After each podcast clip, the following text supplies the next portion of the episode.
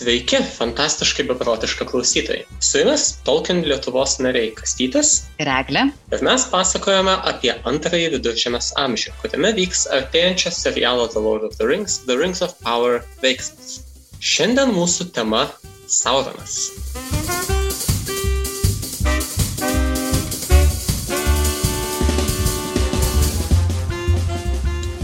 Sauroną mes, aišku, puikiai žinome iš Žiedų valdovo. Na, pagrindinis blogietis, kurį įveikti ir keliavo Žiedo brolyje, tai kaip čia nežinosi. Ir ypač, kai jo vaizdinys Žiedų valdovo filmuose tikrai yra irgi išskirtinis ir įsimintinas.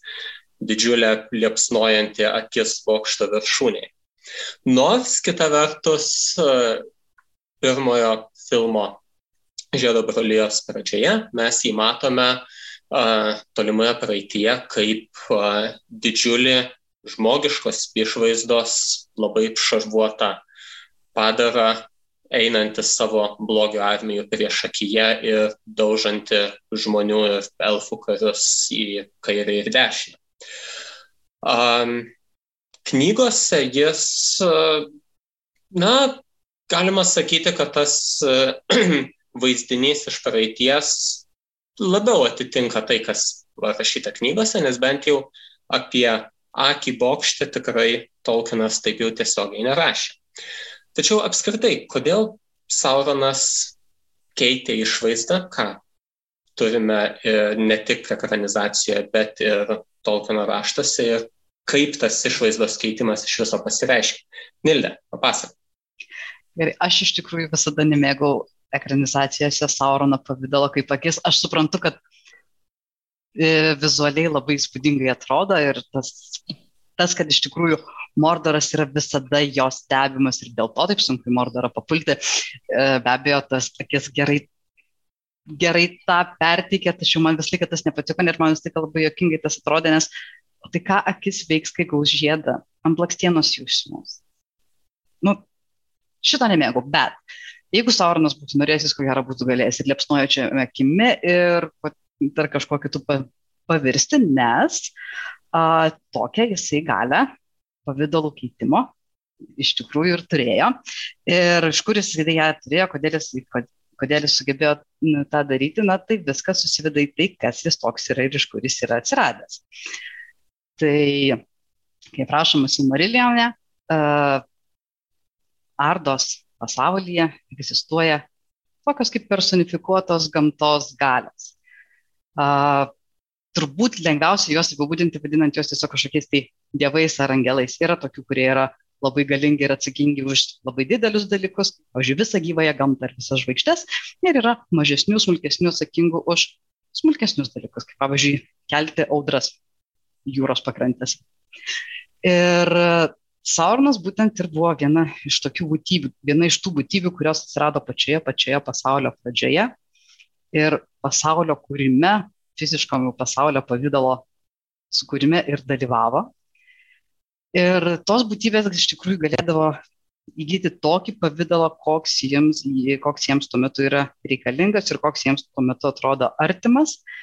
Ir e, tas pavydalas jiems būdavo taip, kaip mums koksai drabužis. Norėdami jie galėdavo imti ir tiesiog persirengti. Na ir Sauroną mes matome štai tokį keičiantį tos pavydalus e, dar uh, Silmariliono istorijose, kur, pavyzdžiui, uh, apie, sakame, apie Bereną ir Latieną, jisai uh, uh, susiremė, susipeša, susigrumė su didžiuliu šunimi ir uh, tenais jis irgi, kadangi na, į mūšį su šunimi jis be abejo ir eina, atrodydamas taip, kaip labiausiai būtų tinkama, tai pasivirtęs siaubingu, siaubingu e, vilkolakiu.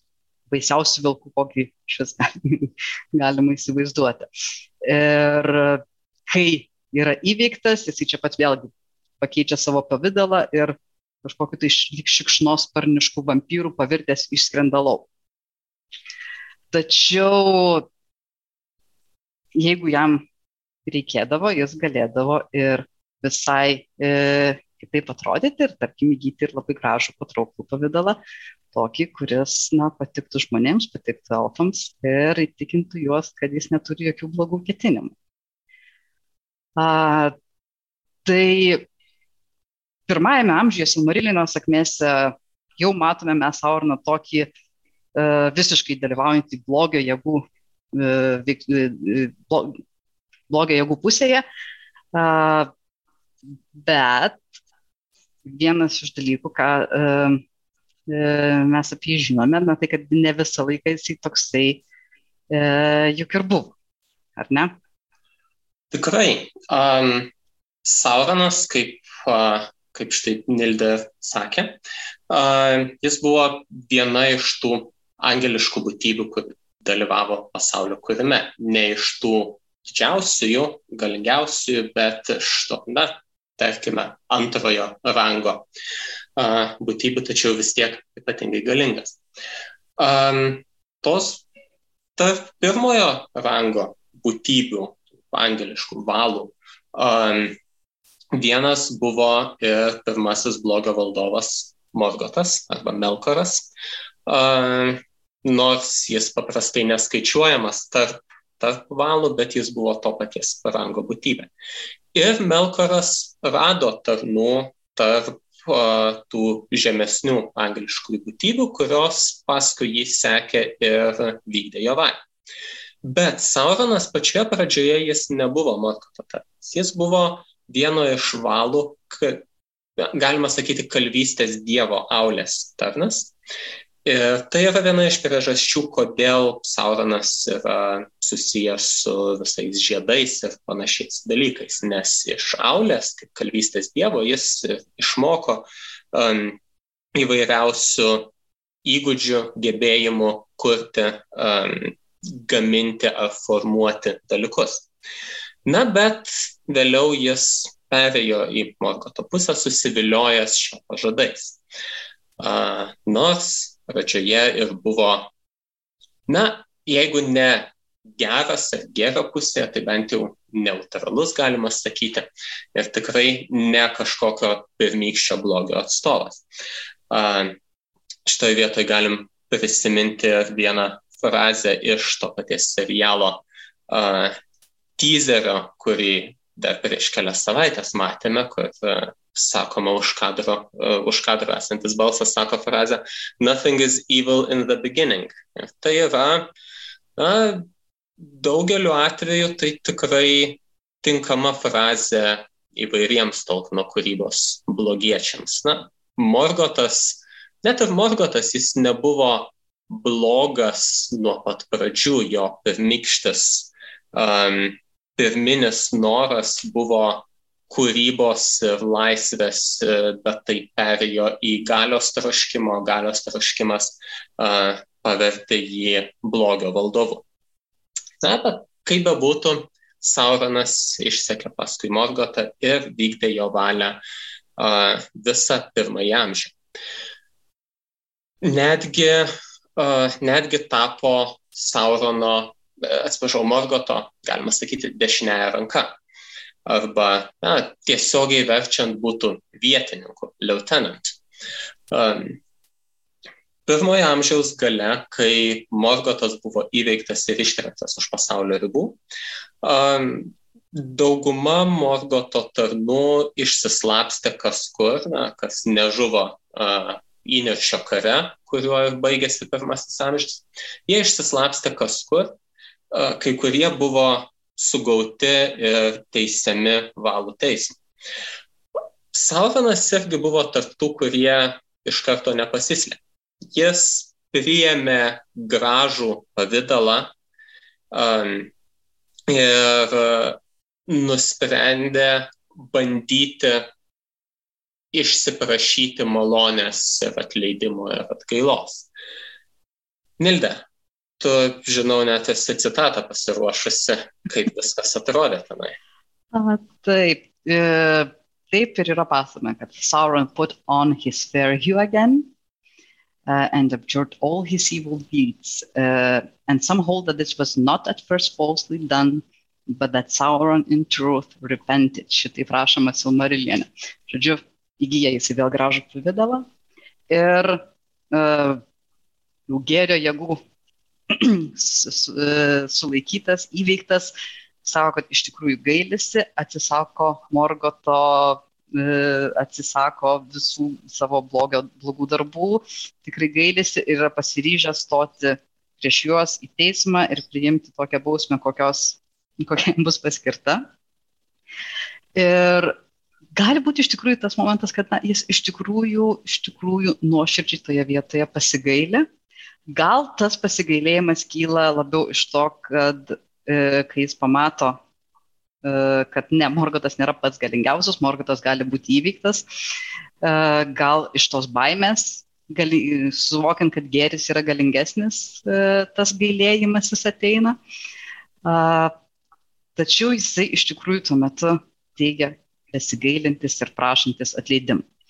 Uh, ir va čia yra tas, ta vieta, kur uh, nors mes labai sakom, kad pas Tolkien yra visą laiką labai iškus geris blogis, labai juoda balta visi personažai, bet na, kai mes juos matome jau žiedų valdovę, visi tie personažai jau yra nugyvenę tūkstančių metų ilgumo gyvenimus ir nuėję labai labai ilgus kelius ir jie jau yra tokie, kokie yra. Jie turbūt galutinai susiformavę ir jau tie, kas yra blogi, yra blogi ir ne, ne, neišperkamai blogi, tie, kas yra gėrio pusėje, jau iš tikrųjų yra nekarta pasirinkę tą gėrio kelią ir dėl to tikrai jau uh, pasiryžę neatsitraukti ir jau nebegali turbūt jų, jų uh, pakeisti, nebegali jau jų, jų blogis galbūt tikrai nebegali jų suvilioti į kitą pusę tuo metu, nors ir žydų valdovė čia pat nuolatos viskas nors tokio įvyksta, kaip tas pats Armanas, kuris turėtų būti gėrio gale ir jisai visiškai, visiškai pasiduoda Saurono įtakai. Bet uh, aš sakyčiau, kad tikrai, jeigu daugiau Tolkieno paskaitai, tai pamatai, kiek ten yra daug ir tos pilkos spalvos. Ir kaip visi personažai turi uh, tą galimybę ir nupulti, ir lygiai taip pat jau sėki nupuolė, jie vis tiek dar gali žengti žingsnį atgal, prisijimti e, atsakomybę už savo veiksmus ir, ir, ir vis tiek dar jie gali atsigręžti į gėrį. Ir šitoje vietoje iš tikrųjų Sauronai toks šansas ir duodamas. Po šimtų metų tarnavimo Morgotui ir po labai labai baisių, labai juodų darbų, jam yra iš tikrųjų suteikiama ta galimybė. Jeigu tu tikrai gailėsi, tau gali būti atleista, stok prieš Valarų teismą. Ir jį paleidžia. Niekas jo garandinėmis nerakina, niekas jo neįkalina tuo momentu, jam duodama galimybė laisvą valią ateiti ir būti teisiamam. Ir čia jisai vat ir suklysta. Čia jisai vėl nusisuka į blogį, turbūt iš tos baimės, iš to, kokia baisi bausmė jo laukia, jisai užuot tą padaręs, pabėga ir pasislėpia. Ir va čia yra ta vieta, kur jau Sauronas dabar jau, viskas jis dabar jau kelią atgal nebeturės. Dabar jau arba viskas, arba nieko, arba jis užkariauja pasaulį, arba jis pats pražas. ir, ir pasislėpęs, jis slepiasi be, bent 500 metų visiškai neaišku, nei kur jisai pradingęs, ar į kokį gilų požemį lindęs ar į kokius nors ten tolimus pasaulio pakraščius pabėgęs ar dar kur nors, nes apie jį negirdėti visiškai nieko. Penkis šimtmečius elfai savo gyvena ramiai viduržėmėje, žmonės Numenore po truputį kyla Numenoro salos ir karalystės gale. O jokio va to blogio valdovo niekur negirdėti. Apie 500 metus kažkas toli rytuose kažkur pradeda kirbėti, lysti, sklisti gandai apie tam tikrą tamsą šešėlį, kuris leidžiasi ant viduržėmės. Bet dar penkis šimtmečius tai lieka tik tai gandais ir neiškeis ir gal tik tai vos vos tos vakaruose gyvenančių elfų ir žmonių ausis pasiekiančiamis užuominomis, kol galiausiai apie tūkstantuosius metus Sauronas įsikūrė žemėje, kuri tada įgyja vardą Mordoras. tai yra tamsos šalis, ir tenai pasistato didžiulį bokštą Baradurą.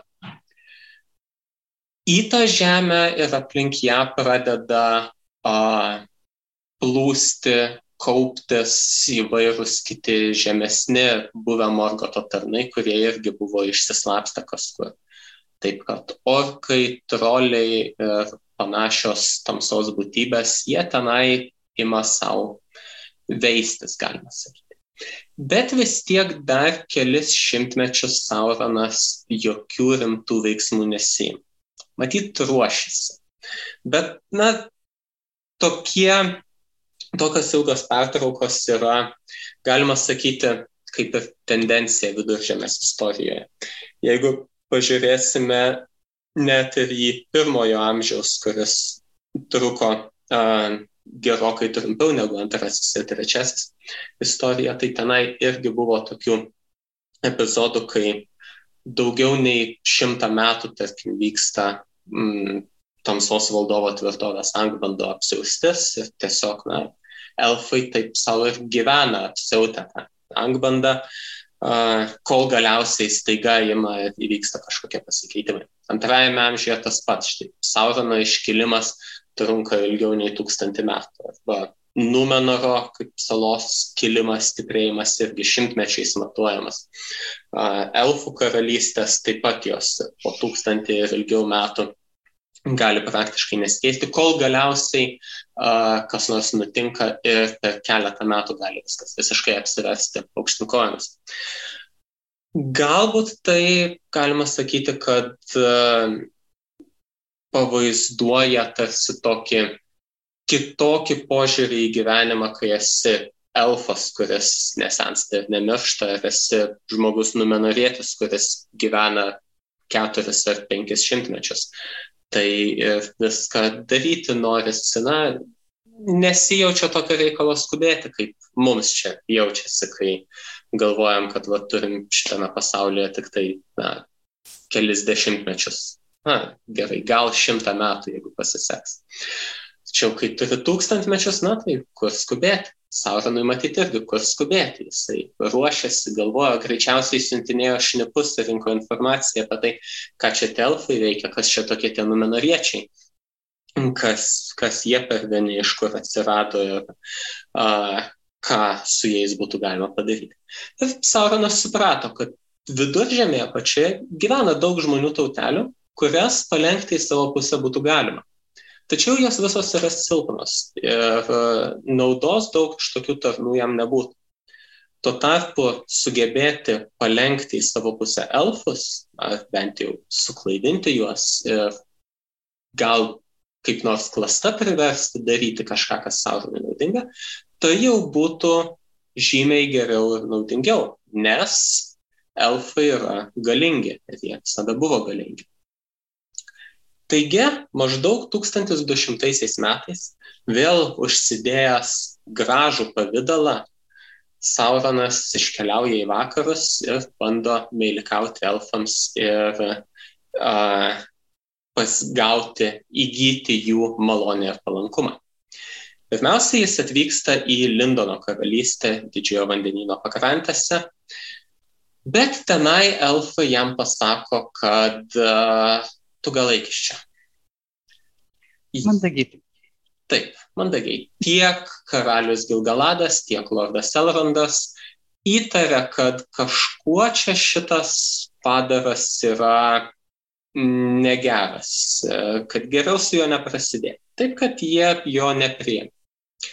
Tačiau kitoje jaunesnėje elfų karalystėje, regione, Sauroną netrukus priėmė daug mieliau ir širdingiau. Tos karalystės valdovas, Belfas Kelebrimboras, uh, jis su šituo naujojo atejūnu netruko pradėti bendrauti ir uh, iš jo mokytis.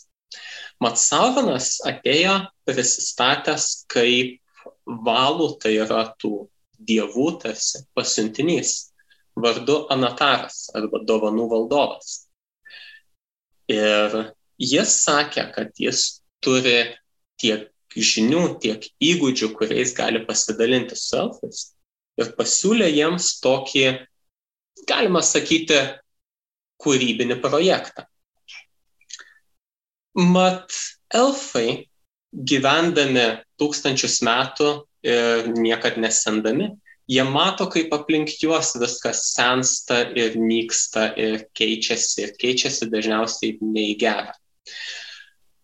Taigi elfams visą laiką kirba širdyje toksai troškimas, kad norėtųsi išlaikyti bent jau gražiausius dalykus savo aplinkoje irgi nesikeičiančius, kaip ir patys elfai nesikeičia. Ir Sauronas, arba Anataras, jiems būtent tą ir pasiūlė. Sukurkime galios žiedus, kurie leis jums išlaikyti savo aplinką tokią gražią, kokia ji ir yra.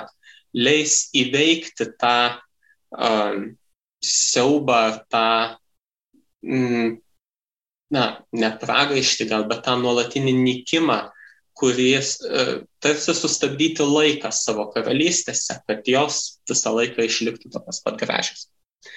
Ir elfai neatsispyrė šitai pagundai ir pradėjo, uh, pradėjo žiedus gaminti. Ilgą laiką mokėsi, ruošėsi ir uh, eksperimentavo įvairiai.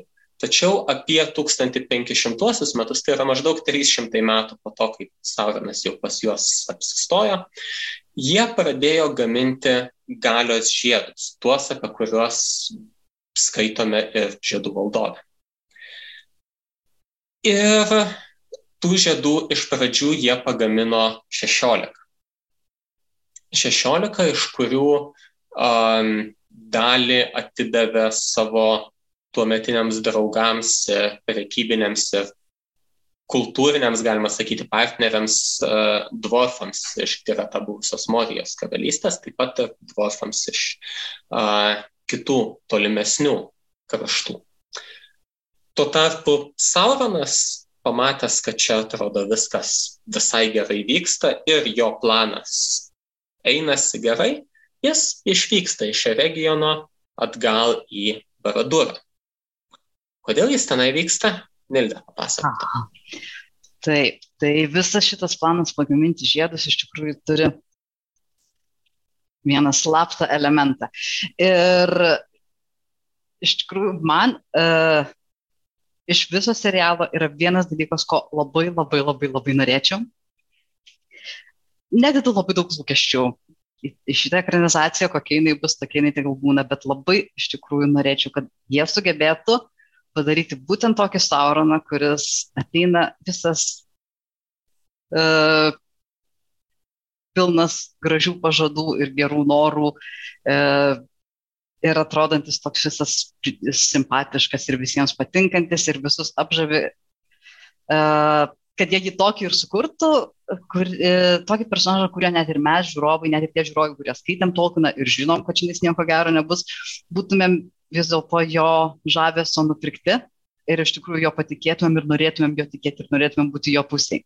Jeigu jie sugebėtų tokį Sauroną padaryti, kad tą e, momentą, kai jisai nukala vieną žiedą, mes iš tikrųjų visi pasijaustumėm taip išduoti, kaip tuo momentu turėjo pasijausti Elf. Jeigu jie šitą dalyką padarys gerai, buvo verta statyti serialą. Uh, tai slaptasis Saurono planas yra toks, e, kad jisai sukurs žiedus, elfai naudosis tai žiedais ir tuomet jisai nukals vieną patį viršiausiai galio žiedą, per kurį valdys visus tuos, kurie mūvės kitus mažesnius galio žiedus. Ir šitam darbui jau jisai turi e, keliauti į Mordorą. Ir vieno galio žiedo nukalimas yra ypatingai rimtos magijos ir ypatingai rimtų galių reikalaujantis darbas, nes gali jis į tą atlikti, atlikti tik tai lemties kalno, Rodruino, ugnikalnio viduje. Nes tokia ypatingai karšta ugnis matyti tam reikalinga ir taip pat jis pats turi labai labai daug savo galios į tą žiedą sudėti. dalį savo sielos, dalį savo viso blogio jisai sudeda į tą žiedą tam, kad žiedas būtų toks galingas ir galėtų pavergti kitus žiedus ir kitus e, žiedų nešiotojus. Tačiau yra tas ryšys tarp žiedų, na, jis kaip ir gaunasi abipusis. Ir elfai jo kestos perplinta. Kai Saurinas nusikala žiedą ir užsimauna ant savo piršto, elfai iš karto pajunta jo galę ir tada jie supranta, kas iš tikrųjų įvyko ir tada jie supranta, kaip buvo apgauti. Tačiau yra vienas geras dalykas vis dėlto šitoje vietoje, tai tas, kad gamindami tos pirmosius galios žiedus, elfai iš tikrųjų pasiekia tokį meistrystės lygį, kad net ir be Saurono uh, jie gali sukurti kai ką nuostabaus. Ir tas kai kas nuostabaus yra trys elfų žiedai. E, šitie Ne taip kaip tie žiedai, kurie paskui pakliūna žmonėms, ne taip kaip tie žiedai, kurie buvo e, dvorfams atiduoti. Tačiau trys elfų žiedai yra sukurti visiškai be saurono įsikišimo ir be saurono indėlio, tuomet, kai jis jau yra išvykęs. Jie yra nesuteršti jo blogos valios. Uh, ir tuos žiedus elfai, kai tik tai supranta, ką sauronas padaro, jie juos paslėpia, būtent siekdami, kad sauronas niekada jų e, tų žiedų negautų. E, tie žiedai, jie netgi turi vardus, padėsiu man prisiminti, jeigu suklysiu, yra Narja, ugnies žiedas, Vilja, e, oro žiedas, oro žiedas ir vandens žiedas Nenija. Ne? A, tai irgi su berots vienas su deimantu, vienas su safyru ir vienas su raudonu akmeniu koks galėtų raudonas akmuo? Rubinas, tikriausiai. E, taigi, e, ir šitie žiedai turi tą ypatingą galę, nes, na ir šiaip jau e, galio žiedai leidžia tau sustabdyti tą laiko tiekmę, visą ryjantį laiką suvaldyti. E, bet šitie žiedai paskui leidžia likusiams elfų karalystėms gyvuoti net ir lab, tamsos apimtume pasaulyje e, ir būtent iš tikrųjų tokiams va, šviesos ir gėrio vietoms. Uh, žiedus paslėpia, uh, Kelebrimbaras, uh, supratęs, kas įvyko, tuos žiedus uh, įteikia uh, kitiems elfams, na tai pirmiausiai Galadrieliai ir Kirdanui, ar ne? Taip. Taip. Kirdanui laivininkui, kuris gyveno Lindono karalystėje ir Galadrieliai, kuri anksčiau gyveno Eregenio su Kelibrimbaru, tačiau uh, tuo metu, kai Sauronas tenai uh, rezidavo, ji pajutusi, kad kažkas su tuo Anataru negerai, ji su vyru Kelibrimbaru, Kelebornu, atsiprašau, išsikraustė per Rukanotosius kalnus į rytinį pusę į Lotloviją. Taip, tai pas ją atsiranda uh, oro žiedas, tuo tarpu ugnies ir vandens žiedai lieka Lindane. Ir galų gale uh, tas uh, vandens žiedas paklius į rankas Elrondui, o ugnies žiedą Kirdanas saugos ilgus, ilgus tūkstantmečius kol jau žiedų valdovo laikais jį perleis ne kam kitam, o visų mylimiausiam burtininkui Gandalfui. Bet iki šito dar labai daug vandens turi nutekėti ir dar uh, kol kas žiedai yra paslėpti, nes, na, jie žino, kad uh, be abejo Sauronas norės juos uh, iš Alfa atimti. Tuo momentu jie dar pagalvoja apie tai, kad galbūt reikėtų tos žiedus sunaikinti. Galbūt čia būtų saugiausias kelias. Bet nepaisant to, kad paskui elfai truputėlį burbo apie tai, kokie žmonės yra silpni, jiems patiems irgi šitai, šito momento nepakyla rankos tokio puikaus, tokio galingo kūrinio sunaikinti. Ir jie vis dėlto juos pasilieka. O tuo metu Sauronas surenka didžiulę, didžiulę armiją ir žygiuoja į regioną. Ir būtent šit, šituo ir prasideda didysis Saurono ir elfų karas, apie kurį jau pasakosim kitą kartą. Taip. A, elfų, elfų ir Saurono karas vienas iš tokių tarsi esminių ir kertinių antrojo amžiaus įvykių, per kurį na, persivertė po daugiau nei pusantro tūkstančio metų ramybės, galima sakyti, apsivertė, persivertė mm, visiškai viduržėmėje, galima sakyti, ir politinė situacija. Ir kartu tie 16 žiedų, kuriuos elfai buvo pagaminę su Saurono Anataro pagalba, jie irgi buvo prarasti. Na, bet kaip ten viskas iš tiesų nutiko, pakalbėsime kitoje serijoje. O jeigu nekantraujate sužinoti daugiau arba norite detaliau susipažinti su Saurono istorija, Saurono kėslais ir kaip, kaip viskas iki šito atėjo, tai kviečiu skaityti Silmariljono paskutinėje dalį apie galios žiedus ir trečiąjį amžių ir Unfinished Tales skyrius apie antrąjį amžių, nes toje knygoje yra be ne pagrindinė ir gausiausia informacija, kurią mes turime apie tai, kaip Tolkienas įsivaizdavo antrąjį amžių.